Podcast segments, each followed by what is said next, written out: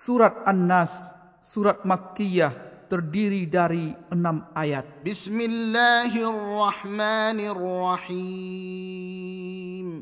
Dengan menyebut nama Allah yang maha pemurah lagi maha penyayang. Qul a'udhu birabbin nas. Katakanlah, Aku berlindung kepada Tuhan yang memelihara dan menguasai manusia.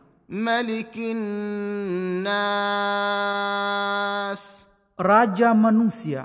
Ilahin nas. Sembahan manusia. Min syarril waswasil khannas.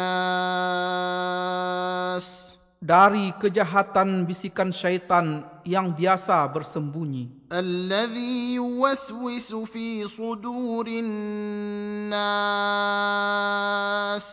Yang membisikkan kejahatan ke dalam dada manusia. Minal jinnati wan nas.